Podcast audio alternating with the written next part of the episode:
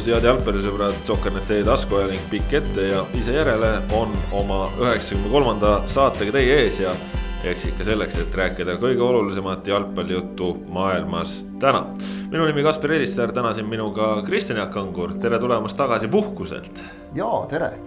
ja Rasmus Vooled ka. tere ja tahaks tervitada ka Kristjan Jaaku tagasi puhkuselt. kas vaatasid ka jalgpalli puhkuse jooksul?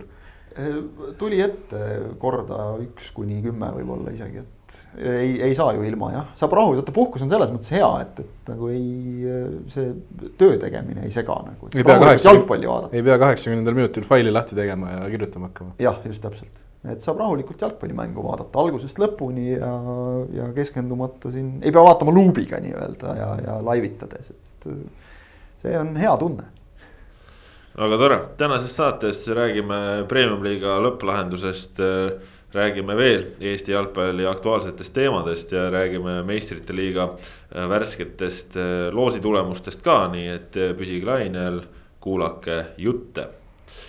Premium-liiga sai siis nädalavahetusel oma joone alla ja, ja tegelikult enne, enne veel, kui räägime võib-olla Äh, sellest äh, noh, pidulikumast lõpplahendusest, siis äh, ikkagi väga olulised kaks mängu peeti nädala jooksul, tõesti kahjuks ainult kaks mängu, aga üleminekumängud Premium-liiga üheksanda FC Kuressaare ja esiliiga teise Maardu linnameeskonna vahel siis peeti neljapäeval Maardus, seal löödi palju väravaid. Kuressaare läks kaks-null juhtima siis jäi kaks-kolm kaotusseisu, lõpuks võitis viis-kolm ja nüüd siis pühapäeval äh, mängiti siis koduväljakul uuesti Maarduga ja, ja koduväljakul jäädi Maardu vastu ka kaotusseisu. null-üks, aga siis lõpuks saadi neli-kaks võit ja kokkuvõttes kahe mängu peale üheksa-viis paremusega kindlustas FC Kuressaare omale kohaga uuel hooajal premium-liigas. no esmalt võib-olla kõigepealt Rasmus Kuressaare, kas nüüd näitas, et ikkagi premium ja esiliiga vahel see, see tasemevahe on, ongi väga selge? jaa, umbes täpselt nii, nagu ma ennustasin ka ju, see oli vist eelmise nädala saates siis, et mingitel hetkedel suudab kindlasti Maardu mängida Kuressaarega võrdselt. ja ka nii-öelda suudab, suudetakse ka mängu domineerida, nagu ütleme, siis oli seal esimesel poolajal esimeses mängus minutid kakskümmend kuni nelikümmend umbes siis oli selgelt Maardu parem võistkond väljakul, aga, aga üheksakümne minuti vältel neil on ikkagi probleeme. Kristjan Jaak, need kaks kohtumist väga väravarohked olid, kas, kas sulle mingisugusel hetkel tundus kasvõi või, või kasvõi mingisuguse väikese nurga alt, et aga äkki ikkagi Maardu ongi uuel aastal premium liigas võib-olla sel hetkel, kui esimeses mängus Maardu, esimese mängu teise poole alguses ette läks, võis korraks olla see tunne, et noh, äkki nüüd nagu Kuressaare väristabki ära, sealt edasi tegelikult oli, see oli tingitud lihtsalt sellest asjade käigust. null kahe pealt kolm-kaks ette minna. sealt edasi oli tegelikult minu meelest ikkagi üsna selge ja noh, Kuressaare näitas seda selles mängus lõpuni näitas seda teises mängus kogu aeg, et noh, läks ju ka seal Maardu ette tegelikult, et noh, siis sel hetkel oli vaja kahte väravat Maardul veel, mis on täiesti kaheksakümne kolme minuti jooksul täiesti tehtav. aga samas nagu oli üsna selge minu meelest, et lihtsalt kui Kuressaarel jälle on mõnda ühte-kahte väravat vaja, siis nad lihtsalt lähevad ja löövad. esimeses mängus no ei saa üle ega ümber sellest, et, et mis asja, no ma ütlen väga ebaviisakalt, mis, mis asi oli Maardu väravas et Ilja Kassantšuk, me teame, on täiesti korralik, isegi premium-liiga tagumise otsa, rääkimata esiliiga tipu tasemel väravavahist. täiesti korralik, normaalne väravavaht, suudab mängida. see, mida ta seal korraldas, noh, mingites olukordades kõige koomilisem, mul on nüüd juba. kolmas, kolmas, kolmas värav vist, eks ole, mitmes see nüüd oli. kolmas värav, noh, see on, see ei ole isegi naljakas enam tegelikult esimene oli veel selline naljakas. juhtub, esimene sihuke, et no juhtub, no eks ole. aga seal oli ka kaks viga ikkagi, esiteks no, oli müür halvasti paigutatud, paigutatud, lasid endale välja, väljaspoolt ümber keerutada ja siis veel põhimõtteliselt ikkagi endal pihta tuli see löök ju. siin, siin ei saa Läbi ikkagi, ikkagi mööda vaadata, et kas müür oli halvasti paigutatud või löök oli sedavõrd. ei, löök on muidugi hea, aga, aga, aga teoorias ei peaks ikkagi ka hea löök sealt niimoodi tulema ju no Konstantin Vassiljev, Maardu ta... põlise mehena oleks võinud ju näidata Kassentšukile ka omal ajal midagi. ega ta nüüd nii hea löök ka ei olnud, selles mõttes, et, et ta oli korralik löök, aga no ühesõnaga. Kuressaare oli klassiga üle ja ärme unustame, et see oli see Kuressaare, kellel oli, mis nad ise kokku lugesid, kaheksa meest puudu, kes on kaitseväes, kes. no ütleme kuus, kuus, kuus tõsist puudujat ja no,, ja ikkagi jah, selles mõttes. ja teises mängus veel Kaldma ka. jah, ja, ja, ja, ja noh, see, et teises mängus see, et sul tuleb, eks ole. Roland Kütt tuleb, noh äge, siukene punk on, öeldakse nende asjade kohta, kasutan siin Peep Pahvi lemmikväljendit. Punk on see, sihukest asja peabki juhtuma, aga samas see, et need on, need on üleminekumängud, need peaks olema hooaja nagu nende meeskondade jaoks kaks kõige tähtsamat mängu sel hetkel vähemalt et noh, siukseid asju tegelikult tehakse nagu kuskil külajalkas. ja, ja see, et Kuressaare saab sellist nalja lubada endale üleminekumängude lõpus, see näitab ju ka tegelikult ära, et, et noh. kus nagu need kaks meeskonda asuvad ja, ja natukene on see nukker. See on ühtepidi on nukker selle koha pealt, et noh, ta näitas ära Kuressaare nõrgad kohad, et sa lased ikkagi sellisel meeskonnal endale nii palju lüüa kahe mängu peale. samas näitas ta ära ka selle, et, et see on ju Maardu, kes ikkagi esiliigas noh, sai siin ka mõned sellised arusaam-, ütleme mitte arusaamatud kaotused, aga arusaamatult suure skooriga kaotused. no, no ütleme. kes, kes mängis ikkagi premium-liigas, needsamad mehed on ju mänginud premium-liigat, no tasemega jalgpallurid, kõik, kes Maardu eest väljakul käisid. aga see, et, et neile ikkagi nagu niimoodi noh, müts tõmmati mitte nagu silmade peale, vaid ikka lõuani tegelikult, et seal ei olnud nagu küsimust, et praegu jäi üheksa-viis, kui Kuressaarel oleks vaja olnud, ma ka arvan, kahteteist, kolmeteist väravat, oleks need ka löönud. see oli see ja see on see Kuressaare, kes mängis kaheksateist mängu siin, kui palju neil oli ilma võiduta, premium-liigat. kes jäi nagu noh, ütleme üsna üle noatera, jäi, jäi üldse nagu liigasse püsima sinna üheksandale kohale. kellel on olnud tõesti siin igasuguseid probleeme vigastustega, esiründaja kukub välja Äh, siin mõned mehed hakkavad juba lõpetama, ärme unustame seda, et, et need on Kuressaare eest päris paljud mehed, kes mängivad, on nii, et nad käivad üheksast viieni tööl. siis teevad trenni, käivad mängudel. et äh, nagu siiralt ja sügavalt müts maha nende vendade ees, aga, aga noh. Kuressaarel premium-liigas nagu ongi hetkel raske kõrgemale selle taseme pealt tõusta ja ikkagi nad loputasid esiliiga tippu põhimõtteliselt nii nagu ise tahtsid. et no, minu meelest see näitab neid kääre ikka väga selgelt. no kui me vaatame Maardu linnameeskond, siis tõesti esiliigas äh, möödunud hooajal teiseks äh, tuli. ja, ja tegelikult äh, ma arvan, ka nende see hooaja enda statistika juba peegeldas nende probleeme, nad lõid kolmekümne kahe mänguga esiliigas kuuskümmend kaheksa väravat. mis on väga korralik saavutus üle kahe värava mängu kohta, aga nad lasid endale selle ajaga sisse nelikümmend viis väravat Äh, nemad olid siis esiliiga teine meeskond, kes lasi oma nelikümmend viis väravat, võrdluseks Kuressaare premium-liiga üheksanda meeskonnana, kes mängis kolmkümmend kohtumist, lasi omale kuuskümmend kolm väravat. siin on muidugi kaheksateist väravat on vahel, aga üks on oma liiga eelviimane, teine on oma liiga parim ja kas see vahe peaks olema ainult kaheksateist väravat, vaat see võib-olla näitabki, et et äh, Maardu jaoks on olnud läbi hooaja probleemkaitse ja see on ka põhjus, miks nad ei ole äh, praegu siis premium liigas, miks nad ei võitnud liigat, miks nad kaotasid seal äh, väga napilt ju Pärnu vaprusele mis ka tegelikult üleminekumängud aia taha läksid, et, et nendel ju ründejõudu on, on väga palju, seda on äh,. Vadim Aksjonov näidanud, seda on Vadim Mihhailov näidanud, kes ju aastaid mängis Transis, rääkimata Vitali Kuussevist või nende kaptenist Ilja Zelentsovist, kes noh, ongi lihtsalt väga ohtlik mängumees. et väravate löömine nende jaoks polegi probleem olnud, pigem on olnud küsimus kaitses. aga nüüd, kui me võtame jah, selle olukorra, kus äh, FC Kuressaare äh, oli enne mängu, enne esimest mängu nädal aega treeningutel teemal, isolatsioonis. ta tuleb sealt tagasi, tal ongi puudu seitse-kaheksa, võime öelda põhimängijat hooaja kontekstis. seitse-kaheksa põhimängijat on puudu, nad ei ole nädal aega trenni teinud, siis nad võidavad viis-kolm.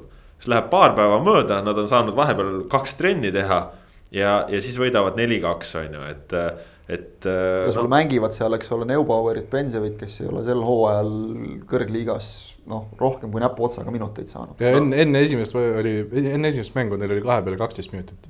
ja, ja ega nagu sellest nagu mängu, mängust nagu välja ei paistnud, et, et nad kuidagi nüüd kehvemad oleksid. ei no, no Ben, Bensev nüüd ju tuligi pühapäeval, tuli väljakule oma üheksateistkümnendal sünnipäeval virutas kohe väga olulise üks-üks värava ja, ja tegelikult mängis väga korralikult. ja seejuures, kui siin noh, mõni võib-olla ka juba kuskil küsis, et, et aga miks oli vaja lõpus see vahetus teha, et Benson välja ja. ja, ja miks on sul see väravavaht vaja sinna rünnakule tuua, siis noh, Sten Benson tegelikult esiteks tal mängu jooksul paar korda väga valusalt astuti jalale, ehk siis noh, ta oli kindlasti saanud lööke. aga, aga Bensoni puhul on taust ka see, et tema oli vahepeal koroona positiivne. ehk siis tema ei ole kaks nädalat trenni teinud vahepeal ja, ja selle ajaga noh ütleme, see oli vist oli neljas värav äkki, kui mul tuleb õigesti meelde. Eh, siis näitas seda, kuidas võistkond lõi värava ja Benson vajub lihtsalt põlvede peale ahmise õhku, sest noh, lihtsalt ei ole jaksu enam et selle nurga alt muidugi, kui sul on seis kindel ja, ja sul on võimalik eh, noh, tuua mingisugune mees väljakule, kes, kes on siis noh, kasvõi teises liigas on sel hooajal ühe värava löönud ja vist isegi võiduvärava. et siis äh, noh, võid ju selle ülikogenud Roland Küti sinna tuua, et. no ja lihtsalt see, et, et Kütt on selle nagu ka ära teeninud. no Kütt, Kütt on ka ju jah, juba mitu korda hooaega, hooaega ja karjääri lõpetanud ja siin olude sunnil on ikkagi jäänud mängima, et äh, noh, selles suhtes.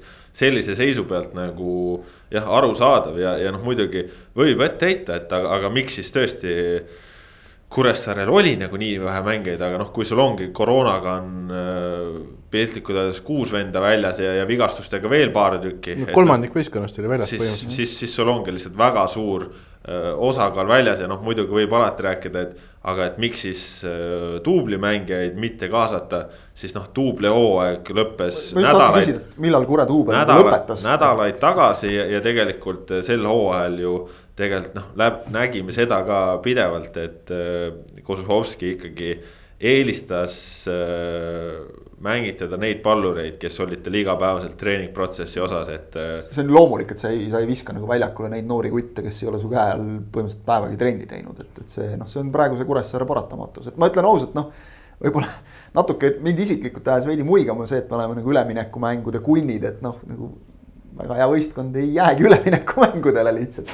aga et noh, Kuressaare ise võtab seda asja nagu, nagu mõnuga, et, et kui me siin oleme, et, et siis tõesti ka naudime, ütleme seesama, see küti sissepanek on ka veidikene nagu see. aga muidugi, kui nüüd noh, ja, tõesti, nagu ma ütlesin, müts maha Kuressaare vendade ees, kes kõike seda, seda teevad. aga et, et kui nüüd nagu vaadata edasi, et, et mis neist nagu järgmisel hooajal hakkab saama me rääkisime siin nendest asjadest, et ega vist need mehed, kes kaitseväkke läksid, on uue alguses ka veel, neil on vist pikk teenistus. mai, mai lõpus tõenäoliselt. Neil oli pikk teenistus, noh, kaks meest on puudu, olulised mehed mõlemad, Miil ja Soomre on mõlemad väga tähtsad mängijad. Elari Valmas nüüd ikkagi lõpetab ära, et, et noh, ei või iial teada, võib-olla mõnel mehel veel talvel tuleb otsus, eks ole, või mis iganes. jällegi noh, võib juhtuda, et keegi saab vigastada, nagu Lipp sai selle tõsise vigastuse, eks ole, et, et premium-liiga seisukohast ja oleme ausad, premium-liigas ikkagi nüüd on juba aina raskem on see, et, et sa käid päeval täispika päeva tööl, siis teed trenni ja siis mängid nagu võrdne võrdsega nende noh, isegi mitte enam tippude, vaid keskmikega. et kui Kuressaarel nüüd juba nii-öelda selliseid tükke sisse viskas et siis uus aasta saab, uus hooaeg saab olema veel raskem, ma kardan. et, et selle, selles mõttes nagu ma ei kadesta praegu Kuressaare juhtkonda, et uueks aastaks panna kokku korralik no, on... korralik sats, noh. eks poolast, eks poolast saab ilmselt jälle mõned mehed laenule ka, eks ole ja.... Ju, juhtkonnast rääkides, ega seal ju uus tegevjuht ongi veel ka valimata, et äh, ja. seal ju. Maarjo no. Puulist sai jalgpalliliidus äh, selle äh, noortede juhtide projekti koordinaator Just. ja siis noh, Valmas saab nüüd, Valmas saab nüüd sinna rohkem panustada, eks ole, natukene klubi juhtimisse, et sa nagu seitset asja korraga ei jõua ka teha, tööl käia ja klubi vedada ja, ja ise mängida ka veel, aga. aga ütleme nii, et, et, et kui nüüd see tünnisaunas käimise rõõm, see on üle läinud, et siis siis on, tuleb selline üsna, ma arvan, karm ja, ja töine talv. mitte, et Kuressaare on ainuke võistkond oleks, kellel nii on, aga, aga vaadates, kuidas nende koosseis ikka hooaja lõpus siin nagu kohutava kiirusega kahanes, jätame kõik selle koroona kõrvale. et, et siis isegi, isegi ilma selleta nagu lõpus oli ka ikka nii neli-viis meest on pingil ja, ja neist võib-olla kolm on nagu reaalselt mängukõlbulikud. ja see, see ei ole kerge olukord. ja seejuures, kui me noh, täna näiteks äh, lugesime Sokkernetist äh, premium-liiga hooaegnumbrites, siis me nägime sealt äh, seda, et kasutatud mängijate arvu poolest ei olnud Kuressaare üldsegi mitte viimane võistkond. Vaatame siin kiiresti kohe üle kasutatuid mängijaid Kuressaarel sel aastal kakskümmend kolm ja nad olid sellega siis tagantpoolt neljandad. Tartu Tammekal ka kakskümmend kolm mängijat, Narva Transil kakskümmend üks, Viljandi tulevikul üheksateist. et noh, selles mõttes ütleme, et isegi see mängijate hulk, kes hooaja jooksul läbi käis, oli nagu okei okay,, aga, aga tõesti, no tegelikult ma tahtsin sul selle jutu peale ka, et selle järgmise aasta perspektiivi kohta, et küsisin eile ju Sander Lahelt ka lõpu üle järele, et. et kolm aastat järjest olete üleminekumänge mänginud, et mida nagu teha, et järgmisel aastal vältida.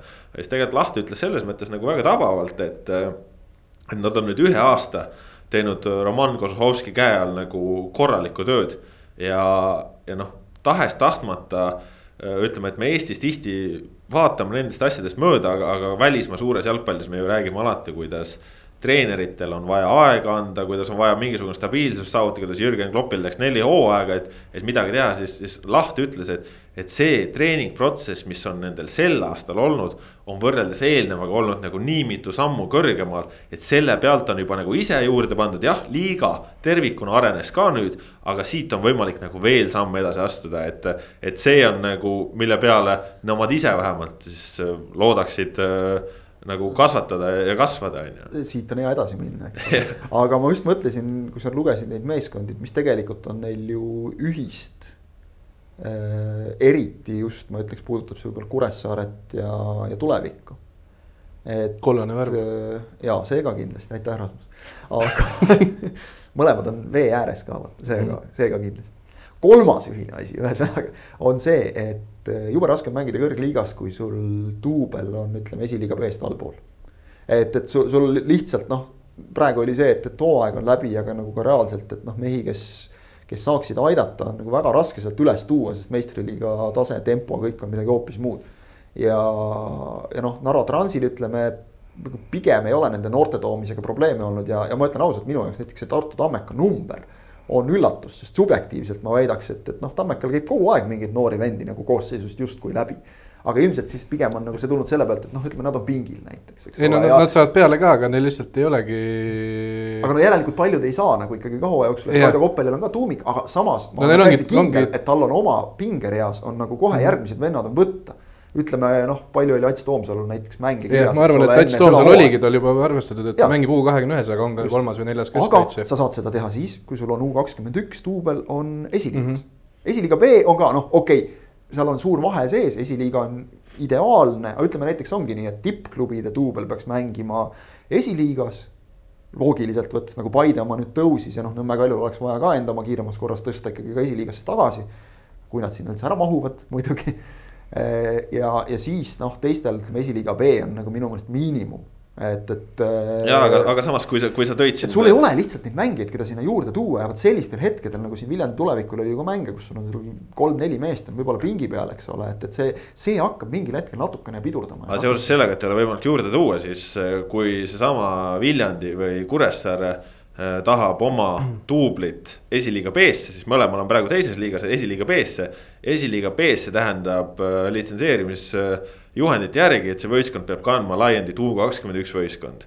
ja kui me nüüd äh, jõuame kohalike eripäradeni, siis Viljandi ja Kuressaare, kumbki ei ole väga suur koht. kas nendel on piisavalt noori mängijaid, kes suudaksid sel tasemel mängida? Ja, ja, ja see ongi probleem, sest nagu ja. Kuressaare ju äh, sel hooajal oma duubliga teises liigas mängis korralikult. aga neil oli seal abijõud kogenud mängijate näol. no Sander Viira kasvõi näiteks on ju, et sellised mängijad aitasid äh, noortel siis areneda, aga teises liigas nad saavad, saavad teha seda, et, et seal on kogenud mehed ja noored aga kui sa tahad esiliiga B-sse litsenseeritaval tasemel tulla, siis sa pead olema U kakskümmend üks ja siis ei mängi enam Viirad ja sellised mehed noh et.... ei, see, see ongi see, et see, see on ideaal, eks ole, aga seda nüüd noh, nagu reaalselt äh, teostada on, otse öeldes kuradima keeruline Nojah, täpselt nagu sa välja tõid Kuressaares, Viljandis, just sellistes kohtades. ja no, ja no ongi nagu sa ise ka välja tõid, et ongi Nõmme Kalju duubel on esiliiga B-s ja nemad on Tallinnas ja neil oli ka raske, on ju. et äh, selles mõttes see tasemel noormängijate ütleme, et väga spetsiifiline jagunemine, et noh, see, see ongi keeruline, et. ma võtsin praegu lahti Kuressaare duubli hooaja viimase mängu, kus nad mängisid Flora U üheksateistkümne vastu, neil oli koosseisus kaksteist meest, ehk siis üks varumees ja keskmine vanus oli kakskümmend kaks. No. siis no, mi- mi- mida need Viirad ja. no kogenud, kogenud, Nad kogenud, kogenud, kogenud, kogenud mängijad selles mõttes ongi seal hooaja lõpupoole kadusid ära, aga, aga noh, ilma, ilma nendeta hooaja jooksul ei oleks nende tabeli koht äh, nii kõrge, et ütleme, et Flora U üheksateist on noh, teise liiga kontekstis üks. ei, ma võtsin lihtsalt kõige viimase mängu lahti. ja see, aga noh, seal see, oli. see on U üheksateist, noh See- reaalselt Flora U üheksateistkümnes, kui me vaatame, kes mängivad Flora duublis ehk U kakskümmend ühes. Siis noh, kui sa oled, ma ei tea, kuusteist, seitseteist ja sa oled mängumees, siis sa mängid seal juba ja, ja tihti. Mhm. et, et noh, seal oligi, ütleme, Kuressaare ju duubel siis alustas hooaega väga hästi, aga siis nad kasutasidki neid vanemaid mängijaid ja. ja hooaja teine pool enam nii hästi ei tulnud ja siis nad kasutasid ka vähem neid, neid kogenud mängijaid, aga noh. see selleks on ju kokkuvõttes pikk teema, aga noh, ongi, et üks asi on see ideaal aga, aga teine asi on see, et, et kui lihtsalt äh, see tegelikult nagu reaalsuses teostatav on, et. ega ma seda ei käinudki välja etteheitena, vaid lihtsalt see ongi nagu, need on need probleemid, millega tuleb sellistel klubidel rinda pista. Ega, ega seal sinu seletusest tulenevalt ega sellist nagu head, lihtsat, kiiret lahendust ei olegi. ja, ja noh, no näiteks ongi seesama Flora näide on ju, et äh, Eestis meeldib rääkida, on ju, et võib-olla kõige suurema mängijavalikuga klubi üldse, aga nende kolmas võistkond mängib ka teises liigas. ja mitte nüüd ülemäära hästi, on ju, et, et esiliiga B on ka, ka nende jaoks liiga kõrge tase, et see ongi noh, näit-, näitab mingisugust sellist üldisemat pilti võib-olla, aga noh, jah, igatahes. püramiidi, ütleme neid alumisi korruseid, et seal, seal annab nagu seal, seal on arenguruumi kõvasti ja, ja sõltumata klubidest kõigil. jah, aga noh, ütleme, ongi üleminekumängud on nüüd selja taga ja, ja noh, Elari Valmasest ka mõned sõnad võime rääkida ikkagi. Premium-liiga vaieldamatu legend, väga pikalt Kuressaare näoks olnud no, no oma silm peale saadet ikka iga mees ei saa, eks. Just, just, et ja, ja nüüd ongi, ütleme, et siin aja jooksul on töö ja, ja pere on üha rohkem aega võtnud, panus jalgpalli ütleme siis treeningutel osalemisse üha väiksemaks jäänud, aga, aga ta on ikkagi vapralt alati nädalavahetustel mängudel käinud. Nüüd sel aastal siis senisest väga palju väiksem roll kui kunagi varem ja, ja noh, selle tulemus siis ongi see, et, et, et lõpetab ära, aga äh, ei lõpeta ta siis nüüd võidukate üleminekumängude järel äh,. vaid jaanuarikuus idee poolest, kui siis mängitakse karikavõistluste ring lõpuni, seesama mäng FC Floraga, mis oleks pidanud toimuma ka möödunud nädalal, aga, aga koroonakoldes äh, lahvatanud Flora siis ei saanud osaleda vaata temal on see suur pluss, et, et kui teised peavad nagu ikkagi hakkama nagu põhja laduma ja vormi timmima uueks hooajaks, siis Valmas saab nagu kogu oma vormiteraviku suunata sellele ühele mängule. kolmekümne esimeseks jaanuariks. kolmekümne esimeseks jaanuariks, et see noh, sealt edasi on kõik tulgu või veeuputus, et tema saab nagu selles mängus olla siis see, et, et kelle peale mängitakse kõik pallid, pannakse ette ründesse ka ja, ja lööb. No aga, aga noh. asi see Florale nüüd. no Valmas võib igale poole panna, nii et. no ma arvan jah, just täpselt. aga noh, selles mõttes jah, muidugi jälle saab olema väga kummaline, et äh, kui praegu äh, kolmeteistkümnendal detsembril said võistkonnad puhkusele, siis äh, poolteist kuud hiljem pärast kuuajast puhkust on vaja hakata väga kiirelt mõne nädalaga juba mängima ikkagi väga ja, olulist karikamängu, et. ma saan kõigest aru, see koroona on löönud siin asjad pea peale ja, ja noh. ongi, tekibki selliseid jaburaid olukordi, aga ma, ma ei kujuta seda hästi ette ausalt öeldes just nimelt seda, et kuidas mingid mängijad. nagu ma saan aru, on viisakalt kokku lepitud, et, et mängivad siis ikkagi, kes mängisid nüüd sel hooajal, mängivad Kuressaare no see on see karik, karika nõudmine on selline et aga kuidas, kuidas see nagu välja peaks nägema, et noh, kujutame ette näiteks, toon näite, ütleme a la Mattias Männila on, läheb nüüd tagasi hooaja lõppedes, hakkab tegema et, hooaja ettevalmistust koos Floraga, Florale kuluks selline ründaja ära kindlasti. vähemalt see, et ta treeniks nendega koos, teeb hooaja ettevalmistuse koos Floraga, teeb, ütleme näiteks kalendrisse vaadata, mis päev see kolmekümne esimene on meil, aga et noh, a la stiilis esmaspäeval, teisipäeval teeb trenni Floraga, siis kolmapäeval läheb mängib Kuressaare eest Flora vastu. ja siis neljapäeval läheb jälle Flora trenni nagu, et noh, see pühapäeval on mäng noh, tõstke siis need päevad mm.. no et, et ma, nagu, ma, ma arvan, et siin, siin, siin lihtsalt olukord. see lihtsalt, see on nii absurdne olukord, et, et noh, see, aga see, see ilmselt kellegagi ma kardan, et see juhtub no,. sest ma... õige mitu meest on ju Kuressaares äh, laenul no,. Ma, ma arvan, niipidi võib olla isegi reaalsem, et nad alustavad hooaja ettevalmistust siis järelikult Kuressaarega ja, ja, ja, ja ei saa ju välistada, et võib-olla ka uueks aastaks laenuleping. ei, loomulikult. ei, ei pruugi, aga noh, see, see on siis jah, nagu veel totram on, on jah, nagu niipidi. et, tavaliselt, kui ütleme, Flora tahab kedagi vaadata, siis ta vaatab hooaja ettevalmistuse alguses. ja siis jooksvalt tehakse otsus ja saadetakse mujale, nüüd siis see see uus aasta oleks vastupidi, et, et alusta mujal ja siis vahepeal tule meile ja siis vaatame, et kui ikkagi ei sobi, siis mine veel tagasi, et. mis tähendab seda, et sa tuled siis nagu konkureerima meestega, kes on olnud treeneri pilgu all kogu aeg, et tegelikult see ju paneb siis omakorda need nagu halba seisu. võimalik on ka, minu jaoks kõlab tõenäoliselt umbes selline variant, et alustab Floraga ja siis teeb selle nädala, teeb umbes Kuressaarega või midagi, midagi sellist. ilmselt lepitakse kokku omavahel, aga noh, ütleme. no kokkuvõttes on see ikkagi halb. ei muidugi, eelmine aasta oli ju Rasmus Saar oli vist see mees, kes ja, isegi käis, käis veel Flora hooaja esitusel ka, et ta mm -hmm. hõigati välja kui Flora äärekaitsja, aga siis viimasel terve, terve no, see, terve jah. kaks kuud teda solgutati seal, kas sa jääd või ei jää, jääd või ei jää, jääd või ei jää, kõik teised ka... mehed olid kindlad. ja siis viimasel hetkel ta ikkagi lükati ka Kuressaare. meenutame ka seda legendaarset äh, Sander Lahe episoodi, eks ole, et mängin natukene Kuressaarega, siis olen korraks Floras, siis mängin jälle Kuressaarega edasi, et, et noh, see ühtepidi jälle punk eks ole, aga teisest küljest noh. No see räägime, ikkagi väga hea ei ole. põlvel oleks selline natukene sihuke nagu, et nikerdame siin põlve otsas, nii nagu välja tuleb, siis see oleks okei okay.. samal ajal ütleme, et meil on rohkem nagu profiliiga kui kunagi varem. professionaalsest premium-liigast, siis vot selle liigaga ei käi sellised asjad nagu noh, ründes mängivad väravavahid ja, ja need nagu üldse kuidagi kokku, et mi, veel kord mitte midagi nende meeste vastu, kõvad mehed. aga nad ju teevad seda kõike sellepärast, et nad armastavad jalgpalli lihtsalt, et aga, aga noh see ei peaks nagu päris nii olema või ütleme siis pigem nii, et siis ei ole meil võib-olla vaja rääkida nii suure suuga täisprofessionaalsest premium-liigast, vaid leppida sellega, et täpselt samamoodi nagu me peame leppima sellega, et, et ideaalis jah, mängiksid premium-liiga klubide duublid vähemalt esiliiga B-s, aga praktikas ei ole see tegelikult mõeldav. aga kas asi poleks nagu hoopis lihtsamini sellega lahendatav, et äh et miks on üldse vaja see karikamäng siis mängida nende niisamade koosseisudega, kui tuli koroona vahele, ei saanud mängida, lükkub edasi. ja mängivad järgmisel aastal, ma ei tea, veebruarikuus enne hooaja algust ja mängivad nende koosseisudega, mis siis on, et. klassivahe jääb niikuinii samaks ju suures plaanis. noh, et selles mõttes noh. tea, et võib-olla. kuskilt just selleks mänguks. okei okay,, karikavõistluste süsteem on loodud sedasi, et äh, sügisel on üks võistkond ja, ja kevadel on teine võistkond, aga no.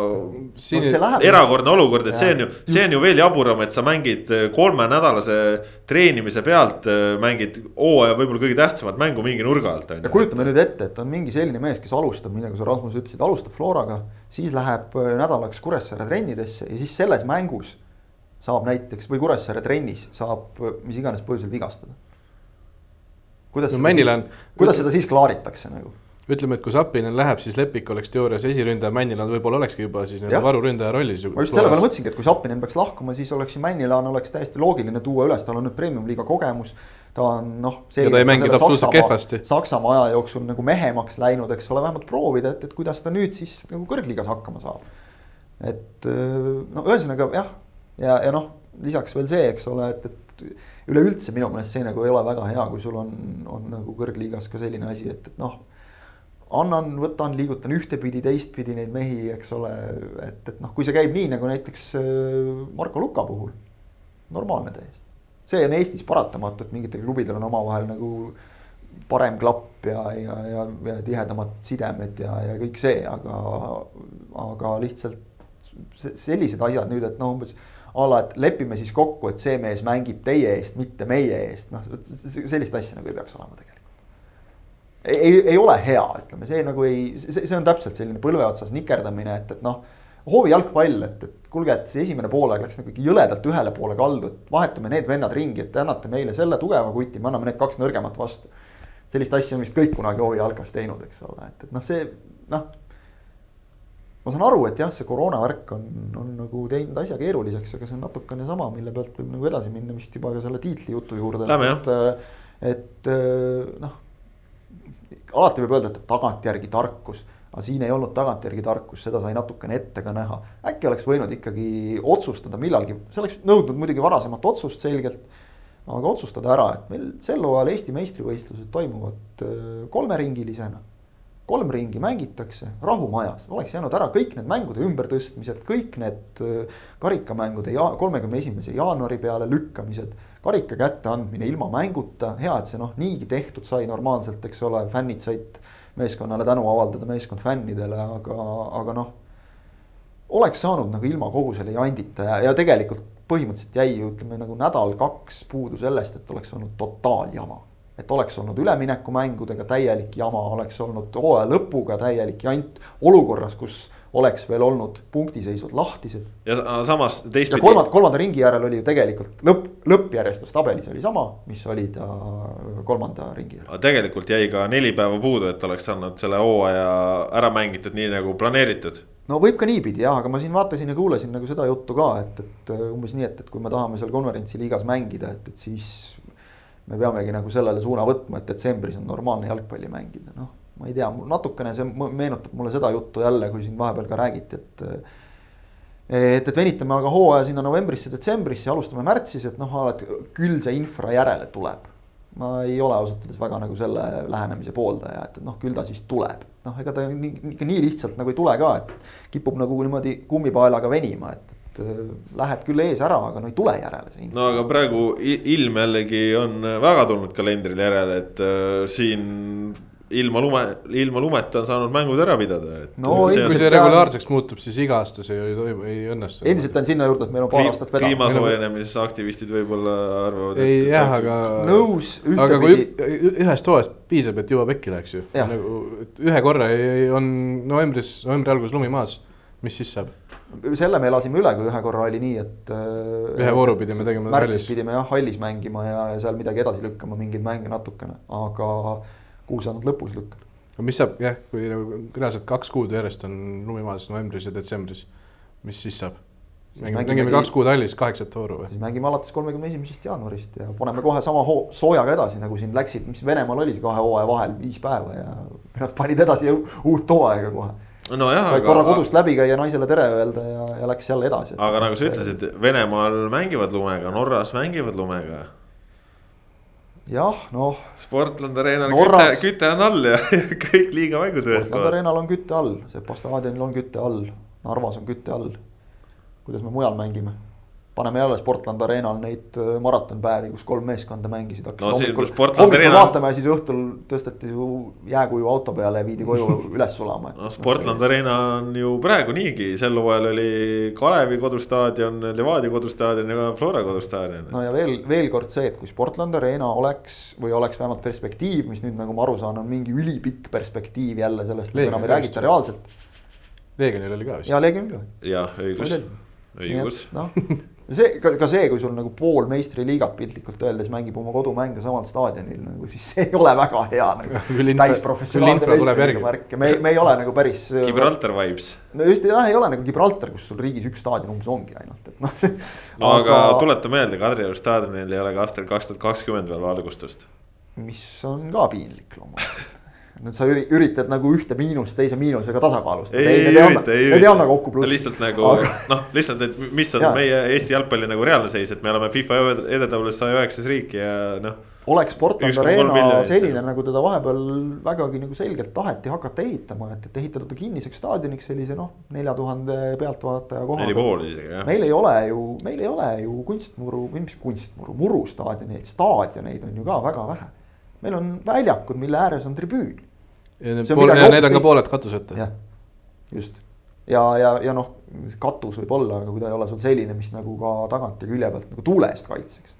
ega ju ütleme, et äh, Rasmusel esimest üleminekumängu tehes äh, seda sisemist komforti nagu ei nappinud mitte selle tõttu mitte selle tõttu, et nagu näed, noh, et oleks ju võinud olla õnnelik, näe lund ei ole maas, aga ma usun, et sul oli külm natukene.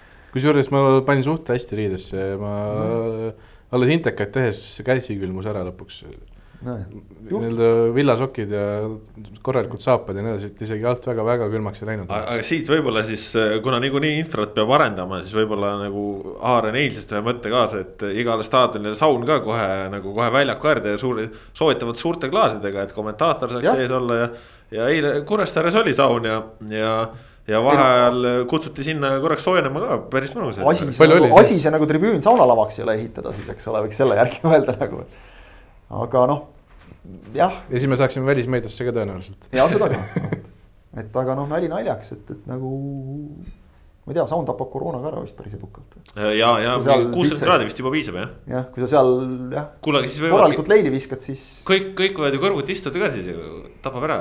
Jah, siis ei mõtlegi, et noh, siis on kõik on hästi, aga noh, et, et kui kuniks me nagu selliste asjadega peame nagu rinda pistma, siis mulle nagu üldiselt meeldib see, et, et noh Anna ja Alla oleme kangelased, võitleme, et, et ei.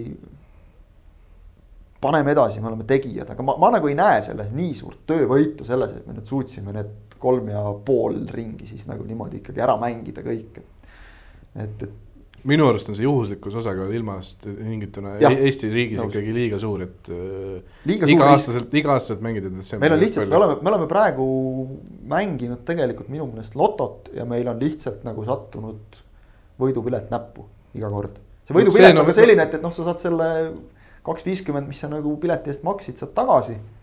aga, aga, aga ma, ma ei näe nagu ka erilist lisaväärtust sellel kunstmuru peal uisutamisel. selle, see, et novembri alguses enne koondise pausi läbi saab, jumala fine, sealt lähed mehed edasi koondisesse, kõik on hästi ja kui mingi sats peaks saama conference liigi, siis sealt on ju kaks nädalat või kolm nädalat alagrupi turniiri lõpuni umbes minna veel, et.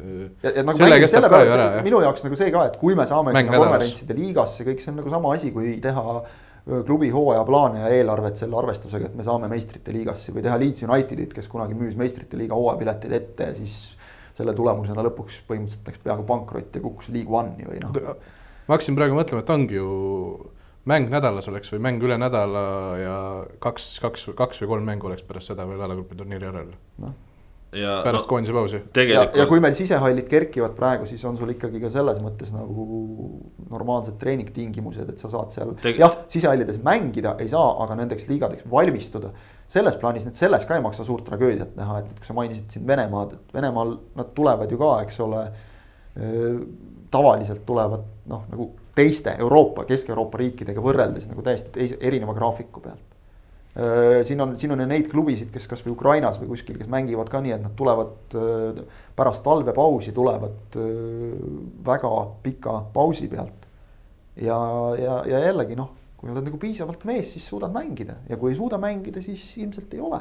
tegelikult siin. see on meie paratamatus. huvitav, huvitav nüanss sellega on, et tõesti jah, kui kui hooaeg lõpeb, no ütleme novembri teisel nädalal, siis tuleb koondis peale. koondis lõpeb seal noh, suurusjärgus äh, kaheksateist, üheksateist november, võib-olla natukene mõni päev peale ka, ütleme sihuke.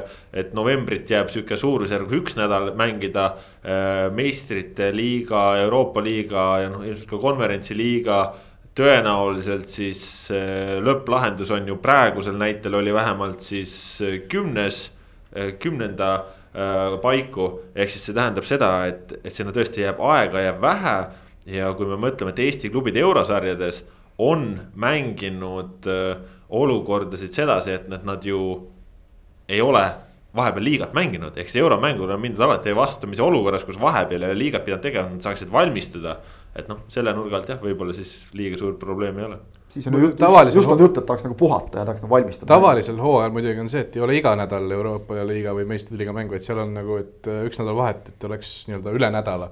ehk siis oleks hea üks mäng ka vahele teha, aga noh mingi lahenduse võib. no kas siis lepid kuskilt kellegagi kontrollmängu kokku, et küll see. kas või mingi Soome sats või mis iganes. koroona üle läheb ja. Conference League'i lähevad ju lätlased ja leedukad ka, no ma ei tea noh. et jah, muide hea näide, et, et sama, samal Aga... alusel toimivad li liigadest, toimivatest liigadest kuskilt ikka meeskonna leiad, kes tahaks korralikku kontrollmatši pidada mm. aga kas lähevad selles mõttes, et ega me ju räägime siin ka praegu konverentsliigast, aga ega kedagi seal kohal ei ole, et me juba rääkisime ju siis, kui.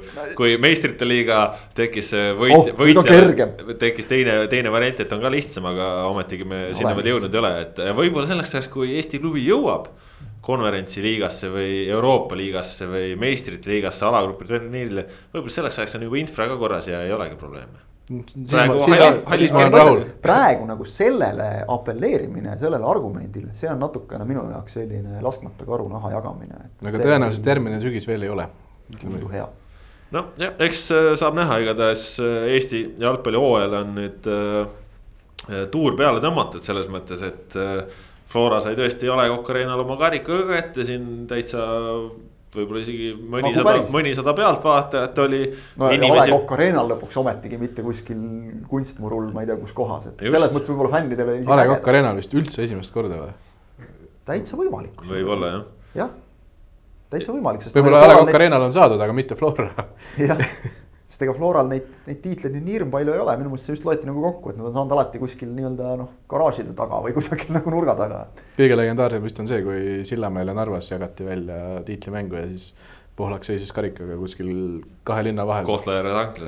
jah, oli ilus. kuhu vaja minna on ja sinna läheb. Õnneks sai üsna kiirelt selgeks, kummale poole sõitma peab hakkama mm, -hmm. ei pidanud ületama kiirust. jah, aga, aga tõesti siin ega Florakaid ka ju päris palju jäi sellest tiitlipeost eemale koroonaga kodus. oli see mure, see peamine, mis siin selle hooaja lõpplahenduse sedavõrd noh, eriskummaliseks vedas. aga lõpuks ta läbi sai ja, ja tegelikult nüüd siin juba selle järel ja, ja selle eel on juba ka jutte vaikselt uuest hooajast, noh, siin pikalt nendel peatuma ei hakka, aga, aga teame, et Flora on juba toonud omale väravasse Viljandi tulevikus Karl-Raamet Nõmme ja.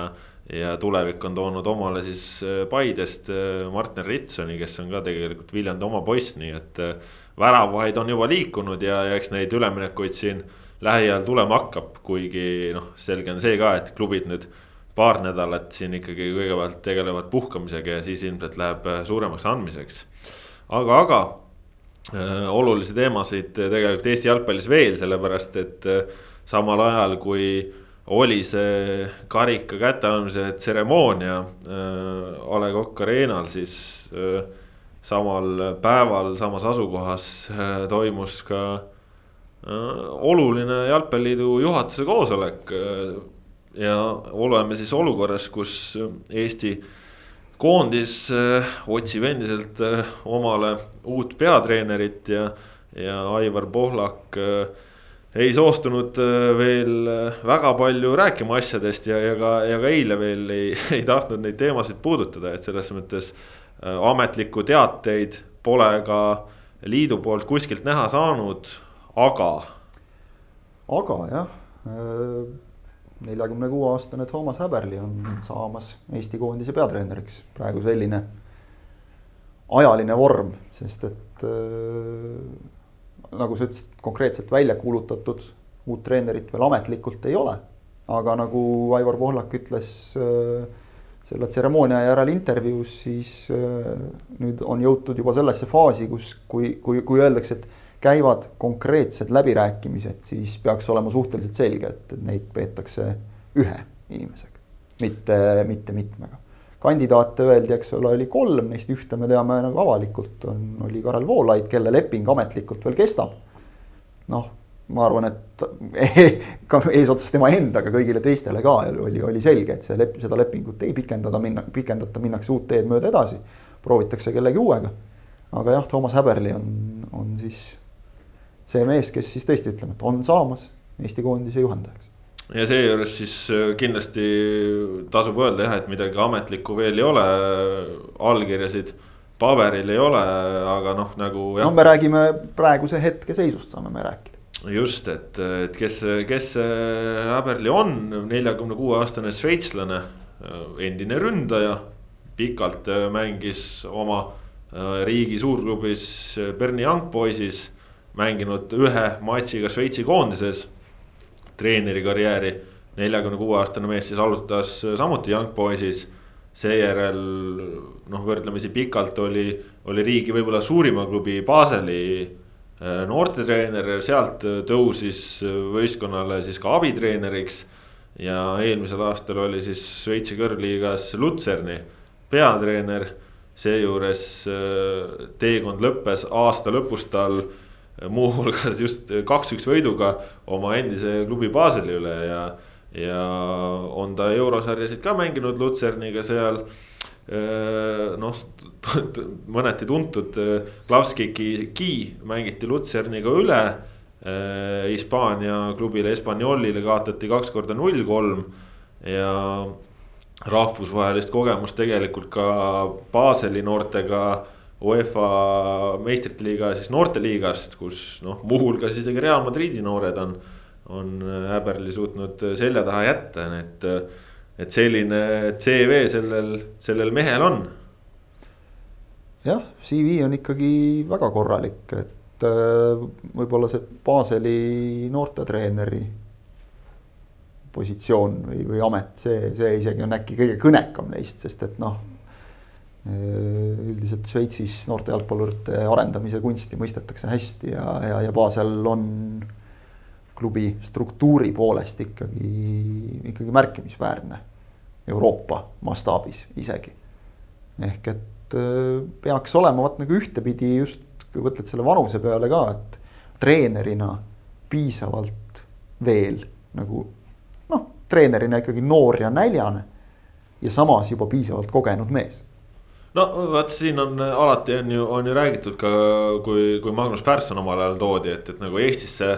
noh, ei ole lihtsalt, ei ole, ei ole seda ressurssi, et sa tood mingisuguse, ma ei tea, Mauricio Pochettino siia on ju, et sul ongi eh, vaja treenerit, kes tahaks areneda ja kes tahaks kuskile jõuda, on ju, et, et sul on vaja sellist teotahtelist meest ja noh, ütleme, et kui Karel Voolaidile vähemalt algusfaasis heideti ju väga palju ette ka seda, et, et mis, et mis kogemus tal üldse on, et, et kui palju ta ise on kuskil profina mänginud, siis eh, no, no ja ka peatreeneri ametit pidanud, eks ole. jah, et, et Toomas Häberli ikkagi Šveitsi kõrgliigas väga-väga palju mänginud, väravaid löönud, ütleme, et käinud ka nüüd treenerikarjääri jooksul väga kõvast koolist läbi, et, et selles mõttes kindlasti kindlasti taust on, on selline noh, kõva ja. no, ja vaatame seda ka, et, et mees oli ikkagi mängija, oli ründaja, et, et me tahame ikka väravaid näha ju, et, et see, no ei no aga see, see loogika siin nagu on, et, et, et, et pigem ikkagi mängijast treeneriks saanud mehed kipuvad natuke rohkem nagu kalduma selle positsiooni poole, mis, mis neil mängijana oli, et, et et äh, hästi laias laastus nagu ründama, kaitsma selle suunitluse koha pealt, et, et kindlasti nagu ründemängu ta unarusse ei jäta, et see on selge, et Eesti koondises iga uus treener ilmselt alustab sellest, et saada kaitses asjad paika, aga et nagu peljata see, seda, mis sai näiteks Pärssonile saatuslikuks, eks ole, tegelikult see, et noh, meie mängust kadus nagu see julgus ja, ja ilu täiesti ära, et, et, et noh, see, see kõik selgub siis, kui mees tööle hakkab, aga mingid väiksed eeldused on nagu olemas lükkasin huvi pärast sisse lihtsalt, et kes mängisid kaks tuhat kolmteist, neliteist Baseli U kahekümne ühes. või noh, ma niisugust listi ma ei leidnud kiirelt üles, aga vaatasin siis näiteks noorema põlvkonna Šveitsi tähti, Brelembolo. oli kolmteist, neliteist oli tema käe all U kahekümne ühes ja aastast kaks tuhat viisteist, neliteist, viisteist hooajas, siis ta läks juba esindusse ja viisteist jõudis koondisesse, et sellise mehe nii-öelda vormimisel on ka tal päris suur roll. materjali on ju nendes, nendes riikides on ju. seal Baselist ilmselt nii-öelda vähem nimekaid, aga väga-väga kõvasid jalgpallureid käis U kahekümne ühe alt ikkagi varem juba läbi ka. ja, ja noh, ütleme tõesti, et, et, et midagi ametlikku veel ei ole. aga noh, kui, kui nüüd jõutakse kokkulepeteni noh, nagu nagu Poolak ütles, et siis hakkavad sellega tegelema, on ju, et, et siis saame näha, aga aga tõesti noh, selline uus, uus suund ja, ja, ja, ja kahtlemata ka uued tuuled, samas noh, teame, et kindlasti Eesti jalgpall üdini võõras tema jaoks ei ole, et siin Floragi on mänginud Šveitsi klubidega ja, ja ka Lutserni endaga, et ja, ja teatavasti või noh on, on ikkagi olnud kuulda ka, et, et Äberli ka ikkagi noh, teab, mis asi see Eesti koondis on, et on isegi oma silmaga Eesti koondise mängu vaatamas käinud, et. et selles mõttes noh, ilmselt mingisugused eeldused, eeldused on olemas, et päris no see, see põr, näitab, põrsas kotis ei, ei tule. jah, see näitab ka, et tal endal on ka ikkagi väga selge huvi, eks ole, et, et noh, jällegi tema karjääris ka midagi uut, koondise treener olla. see on jälle mingi selline uus väljakutse, aga, aga jällegi mees, kes on olnud noortetreener, on olnud abitreener, on olnud peatreener. noh, tal on erinevate ametite kogemus, ta on olnud äh, ka äh, talendi otsija näiteks, et noh, see nagu näitab ka jällegi, et, et äh, see eeldab suhteliselt sellist avatud pilku ju jalgpallile ja, ja, ja ma just noh, just mulle nagu tundub, see nüüd kõik, eks ole, enne kui me oleme näinud meest töötamas, aga see profiil nagu lubaks kedagi, kellel on piisavalt ambitsioonikust endal. et, et kes ei tule siia noh, lihtsalt mingit linnukest CV-sse saama, et, et selles plaanis ju oli tegelikult ka näiteks Pärson hea valik ja ta alustas ju korralikult õigetest asjadest, aga siis mingil hetkel kuidagi nagu kas siis läksid natukene seal selles mõttes suusad risti selle koha pealt, et oma nägemus versus sult nõutav tulemus. seal nagu asjad ei, ei klappinud enam, aga, aga võib-olla natuke kogenum mees ei, ei, ei lase ennast sellest häirida, et mida sult nagu oodatakse või, või nõutakse, et sa pead ikkagi tegema oma asja ja noh, selge on, et koondise treeneril see käib nii-öelda nagu veidi pika vinnaga, sest et mängud on, on lihtsalt nii harvad kas te sellist mängu teate nagu Jass? Ei ole kuulnud. igatahes tuleb, tuleb tutvuda selle mänguga, kuivõrd eh, Toomas Häberli Vikipeedia personal life'il on sellele põhjendatud terve lause. et jalgpalli kõrvalt talle meeldib mängida Jassi kaardimängu, ujuda ja lugeda et need on tema hobid. noh, intelligentne inimene. järelikult tuleb, tuleb sellise kaardi, see on mingi Šveitsi kaardimäng, praegu tutvusin sellega. no vot, meil on Eestis on see taliujumine on ka kõrgelt au sees nagu, siis ainuke kohustus on see, et sa pead siis Instagrami postituse tegema, kui sa oled käinud, see, see võib natuke raskeks osutuda. ma igaks juhuks, kui sa juba Vikipeedia peale jutu viisin, siis ma ütlen igaks juhuks seda ka, et eestikeelne Vikipeedia väidab, et, et äh, tegemist on pensionil Šveitsi jalgpalluriga, et see tuleneb puhtalt äh, Äh, kehvast äh, sellest tõlkemootorist lihtsalt. Retired inglise keeles tähendab siiski midagi natuke muud. ehk siis pensionäri meile siia ei tooda, tuuakse, tuuakse loodetavasti üks äh, täies elujõus treener, kes tahab asju teha ja ütleme, et ütleme nii, et kõik nagu ettevaatavalt palju asju räägib selle kasuks, et see võiks olla hea valik jah, ja ega noh, ongi, et, et, et kas ta saab olema hea valik ja nii, eks see selgub siis, kui. Kui asi on lõpuks ametlik, allkirjad on kuskil paberil ja, ja jalgpalliliit teda esitleb, siis kindlasti on väga põnev ka kuulata äh, neid selgitusi, et, et miks selline mees, kus täpsemalt, kuidas selleni jõuti praegu noh, on ikkagi väga kidakeelsed oldud ja, ja on ainult nii palju öeldud, et, et jõulude eel tahetakse asi paika saada, et äh, eks siis ole näha Äh, millal neid ametlikusid teateid tulema hakkab, aga, aga tõesti jah, selge on. Selge on ka see, et äh, laupäeval see juhatuse koosolek oli ja, ja sealt edasi on, äh, on tegeletud siis ühe kandidaadiga, mitte enam kolmega aga räägime veel ka rahvusvahelise jalgpalli juttu meistrite liiga loos tänasel esmaspäevasel päeval ära peeti ja, ja lootsi tulemus andis meile päris värvikaid paare. Võib-olla selline maiuspala teie enda jaoks, Rasmus, mis sulle sealt loosimispotist siis silma jäi, igaks juhuks loen kiirelt kõik paarid. tuleta meelde palun. Gladbach, Manchester City, Lazio, Müncheni Bayern, Atletico, Chelsea RB Leipzig, Liverpool, Porto, Juventus, Barca, BSG, Sevilla, Dortmund ja Atalanta, Real Madrid. Äh, minu jaoks äh, kõige põnevam paar, äh, minu kui neutraalse jalgpallisõbra jaoks kõige põnevam paar on Barcelona, BSG. siin on ikkagi Neimari derbi põhimõtteliselt. ära üllata, tõesti see paar. tõesti see paar jah, Neimari derbi. Real Madridi kohta teeksin huvitava tähelepaneku, et meeskond, kes läks üliraskelt grupist läbi viimase vooruga, said võidu, grupi võidu ja see tähendas automaatselt põhimõtteliselt seda, et nad said ka veerandfinaali. sellepärast, et kuna nad võitsid grupi, siis ei saanud neile tulla vastu Mönchengladbach, neile ei saanud tulla vastu Hispaania klubid Atletico Madrid, Barcelona ja Sevilla. ehk siis variantideks jäid ainult äh, Lazio, Porto, Atalanta ja siis Leipzig, kes on veits, veits tugevam.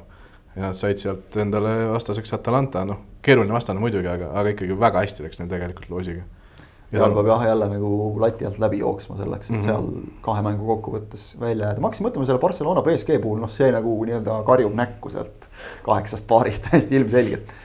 et, et, et kas, millal, noh, millal, polegi olnud enne tegelikult seda, et ma, ma julgeks äkki isegi praeguses seisus BSG-d siin soosikuks lugeda varem on nad nagu ikkagi läinud nii-öelda noh, nagu. kas varem, kui nad omavahel mänginud on või? nagu ja ma mõtlen omavahelises just. väga palju ei ole mänginud ka. No, väga palju pole mänginud jaa, aga et noh no, no, varem see... nad on nagu läinud giganti tapma, et praegu on nagu Barcelonal on see tõestamisega. no selgelt. okei okay,, aga noh, mängud on muidugi kevadel, et sinna on aega. no nii, nii nõrka Barcelonat kui praegu me ei ole ikkagi pikalt näinud jah, et selles mõttes muidugi ka BSG ei ole ju mingis ulmeood, et nad ju kodusel Prantsusmaa meistrivõistlustel ka ikkagi roomavad ja, ja nädalavahetusel andsid ka oma liidripositsiooni käest ja, ja Neimar sai vigastada. neljas kaotus vist, eks ole. ja üheksa võitu, üks viik, neli kaotust. et see... Seda pole ikka ammu olnud, et see oli vist siis, kui liigas jäädi kuskil teise kümnesse, siis, siis oli neli kaotust nagu, tähendab alustati nii halvasti, et ühesõnaga noh, jah, ei midagi nagu erilist. Neimar on selleks ajaks tõenäoliselt ka jälle terve, tehti temaga katki eile, aga. see oli päris jube, peatume natuke, peatume natukene sellel ka, see on ja. täiesti haiglane, kuidas, äh, kui jalgpallurid vigastatakse, noh. see on, on kahte tüüpi vigastusi, ütleme, et on kahte tüüpi vigastusi. üldiselt ideaalis peaks olema jalgpalluri vigastus nagu õnnetus. see, mida see Thiago Mendes tegi, veab talle, et ta brasiillane on, oleks ta argentiinlane näiteks. oh jumal aga see, mida see Thiago Mendes tegi, see oli noh, see ei olnud see, et ma lähen vigastan nüüd Neimari ära, aga see oli selline, et aga kui Neimar katki läheb, siis ei ole hullu, et ma olen arvestanud sellega. ja ma olen arvestanud sellega, ma saan punase kaardi, ma saan kolm mängu keeldu võib-olla. võiksid olla, ma ei tea, ma ei tea, kuidas, aga võiks selliseid asju võiks nagu rohkem karistada, sest no Neimari nüüd on tõenäoliselt räägitakse päris halvasti, et kaks-kolm kuud võib-olla. jah, aga vaata, see ongi noh, jah. kaks-kolm kuud mõjub juba ka, et äh, Barcelona mäng on õhus.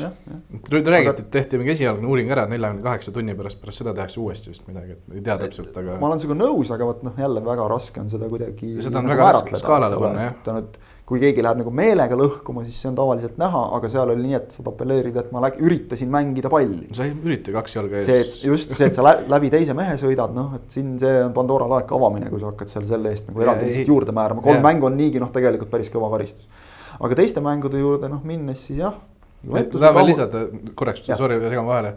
ja see on ka see, miks eh, Neimar peabki niimoodi sukelduma väga, väga sageli, et teda nagu terve karjääri on talle äh, niimoodi ette heidetud seda kõike, et sukeldumine, sukeldumine, sukeldumine, aga reaalselt põhimõtteliselt igas mängus mingi vastasmeeskond paneb ju nagu eraldi mehe Neimari katma. Manchester United pani just Scott McTominay, kes tegi talle mingil hetkel kahekümne sekundiga kolm viga järjest. noh, Neimari lihtsalt teatakse, et no, ta on see kuulsus. jah ja..., ütleme nii, et see kukkumised on nagu arusaadavad, et sinna juurde käib ja. mingisugune teatraalsus, maas rullimine ja, ja teinekord ka noh, mingi näkku, näkku löömise teesklemine mm,. Need, need asjad on need, mis pigem nagu häirivad tema puhul. ja, ja noh, siin hooaja alguses ta sai ju ka ühe väga inetu asjaga hakkama, et, et kui siin nüüd praegu see äh, rassismi teema on, on väga üleval. see on ka BSG-ga seoses muidugi. siis tegelikult käitus, käitus Neimar ise nagu väga noh. see oli see hiinlase või jah, jah, jah noh, me vist võime välismaa keeles võib nagu ära öelda, et kui sa ütled nagu vastasele Chinese shit, siis see ei ole just. Äh, ma, ma ei näe, mis, mis moel oleks see eristatav äh, sellest rassismist, mis meistrite liigas Pierre Veeboga nagu aset leidis või siis ei leidnud, kuidas keegi soovib nagu asjale vaadata, et me sellesse ei hakka sukelduma, siis saaks eraldi saate teha juba. aga siin vaadates teisi, noh, Man Cityl vedas pigem Gladbachi saamisega.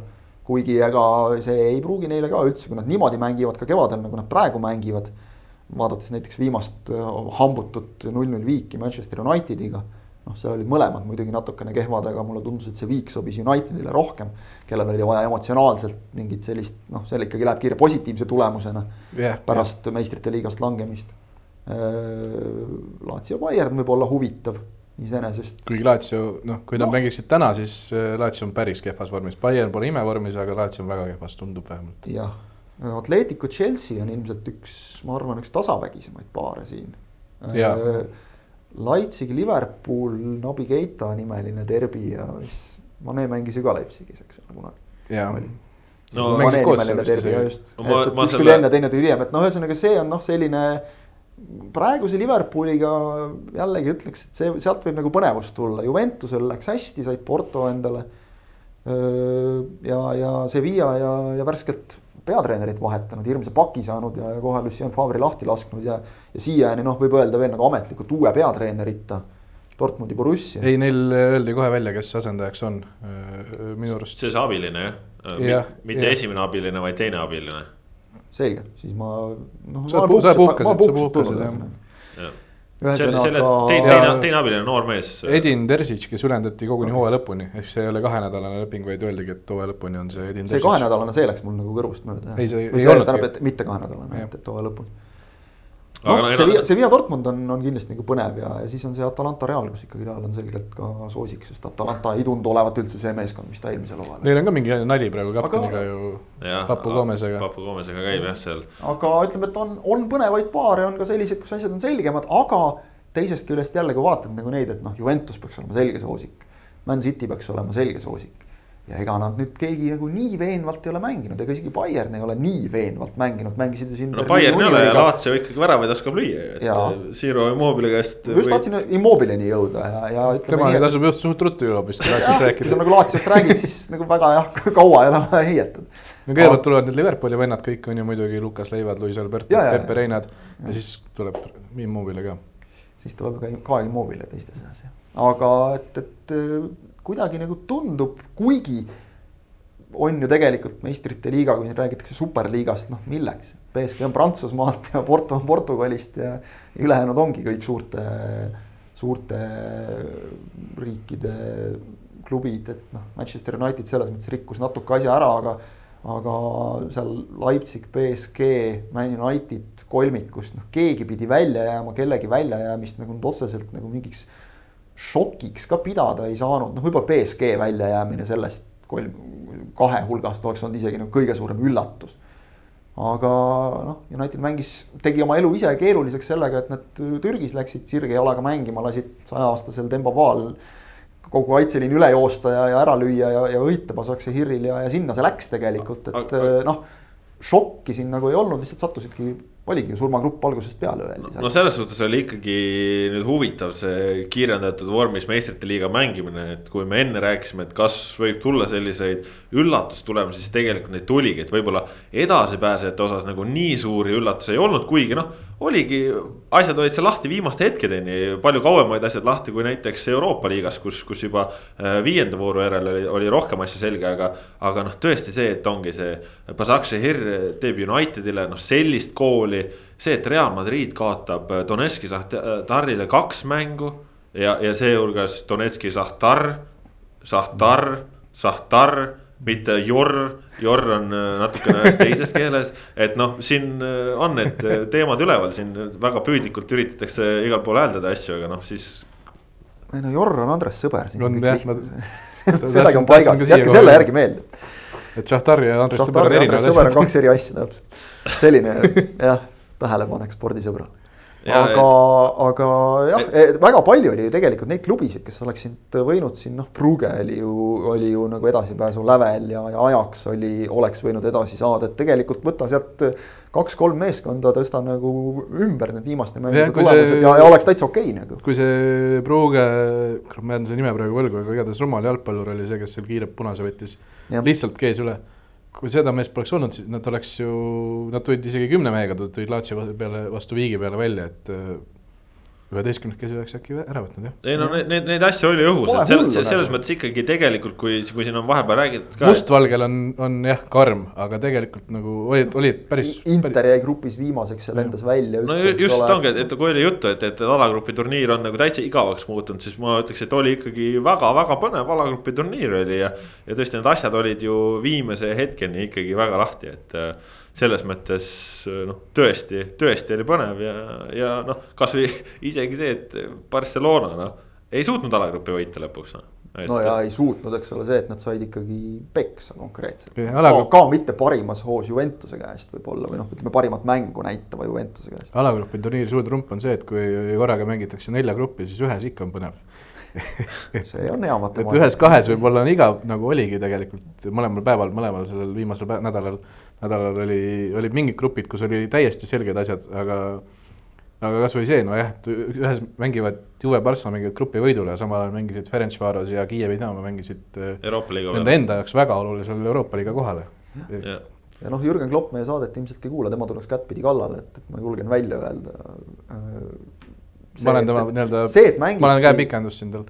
no ja ma vaatan igaks juhuks ettevaatlikult sinu otsa, et äkki sa ei kirjuta talle siis. aga, aga see, et mängiti äh, igal nädalal.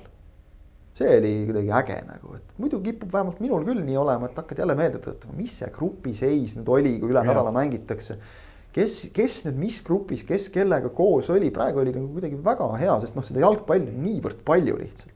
väga hea oli näppu pulsil hoida ja kogu aeg oli see pinge ka üleval, et muidu oli nii, et nii.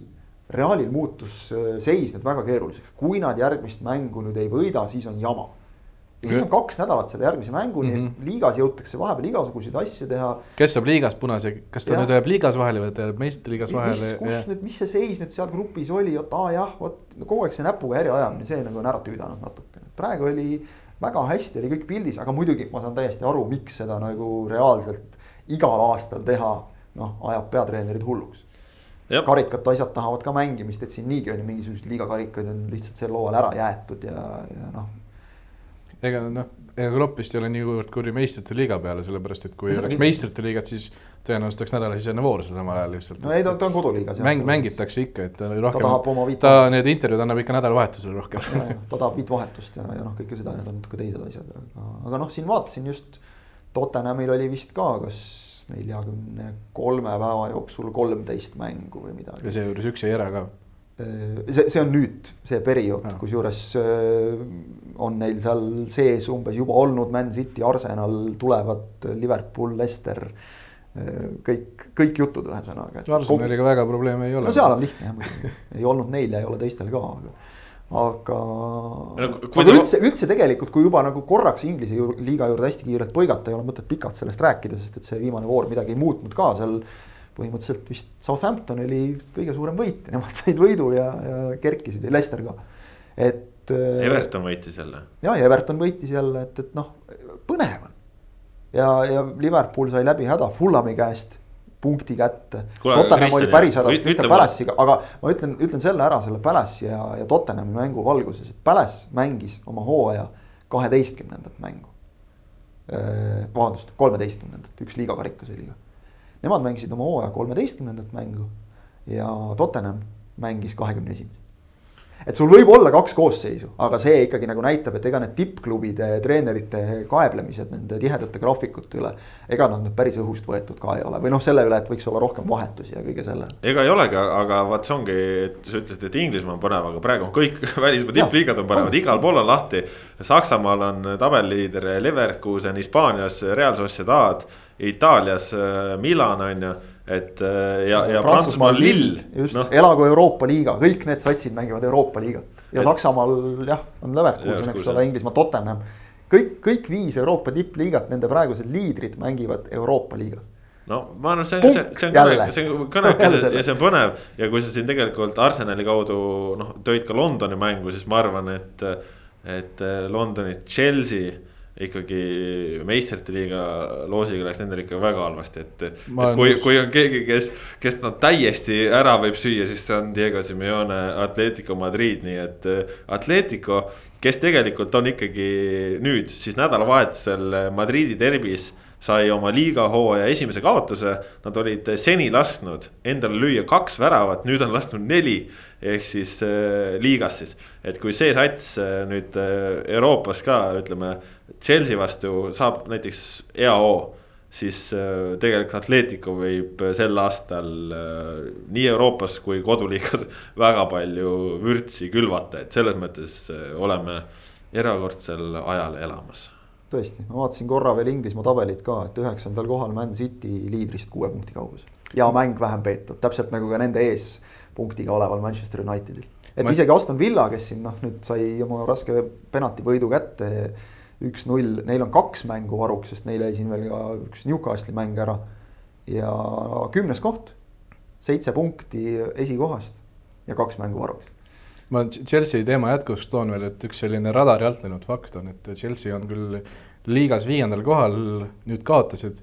aga nad on võitnud kuus võitu ja need kõik kuus võitu on võetud võistkondade vastu, kes asuvad tabelis teises pooles, ehk nad tugevate käest pole mitte midagi saanud, nad on võitnud Leedsi, Newcastle'it, Sheffieldit, Burnley't, Crystal Palace'it ja Brightonit. ehk kui on mängitud Liverpooliga või Southamptoni või Manchester Unitedi või Tottenhamiga või Evertoniga, kõik on kas viigid või peksa saadud, ehk siis nagu Atletico, ma pigem oleks nad nagu tabeli tippu kuuluvaks võistkonnaks ehk. just.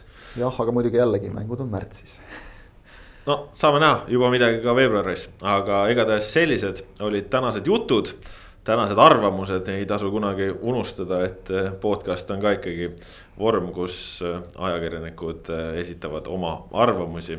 ja arvamusi esitab. juhul, kui nad räägivad faktidest. ja arvamusi esitatakse ka arvamuslugudes, ehk siis ka, ka seda tasub alati meeles pidada, et kellegi subjektiivne hinnang on kellegi subjektiivne hinnang ja. Äh, mida me soovime, ma ei tea, vara on vist veel nagu jõulukingitusi jagada, aga soove võib ikka juba jõuludeks jagada, et paksemat nahka natukene.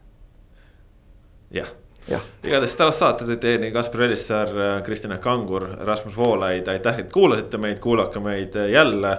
siin on pühad tulemas, aga jalgpallijuttu kindlasti veeretame edasi, kui tuleb graafikutes muudatusi, küll siis äh, anname sellest teada, aga aga kindlasti Sokkernetis jalgpalli ja jalgpalliga seonduvaid jutte on ikka ja jälle, nii et püsige lainel, püsige terved. kõike head, adjöö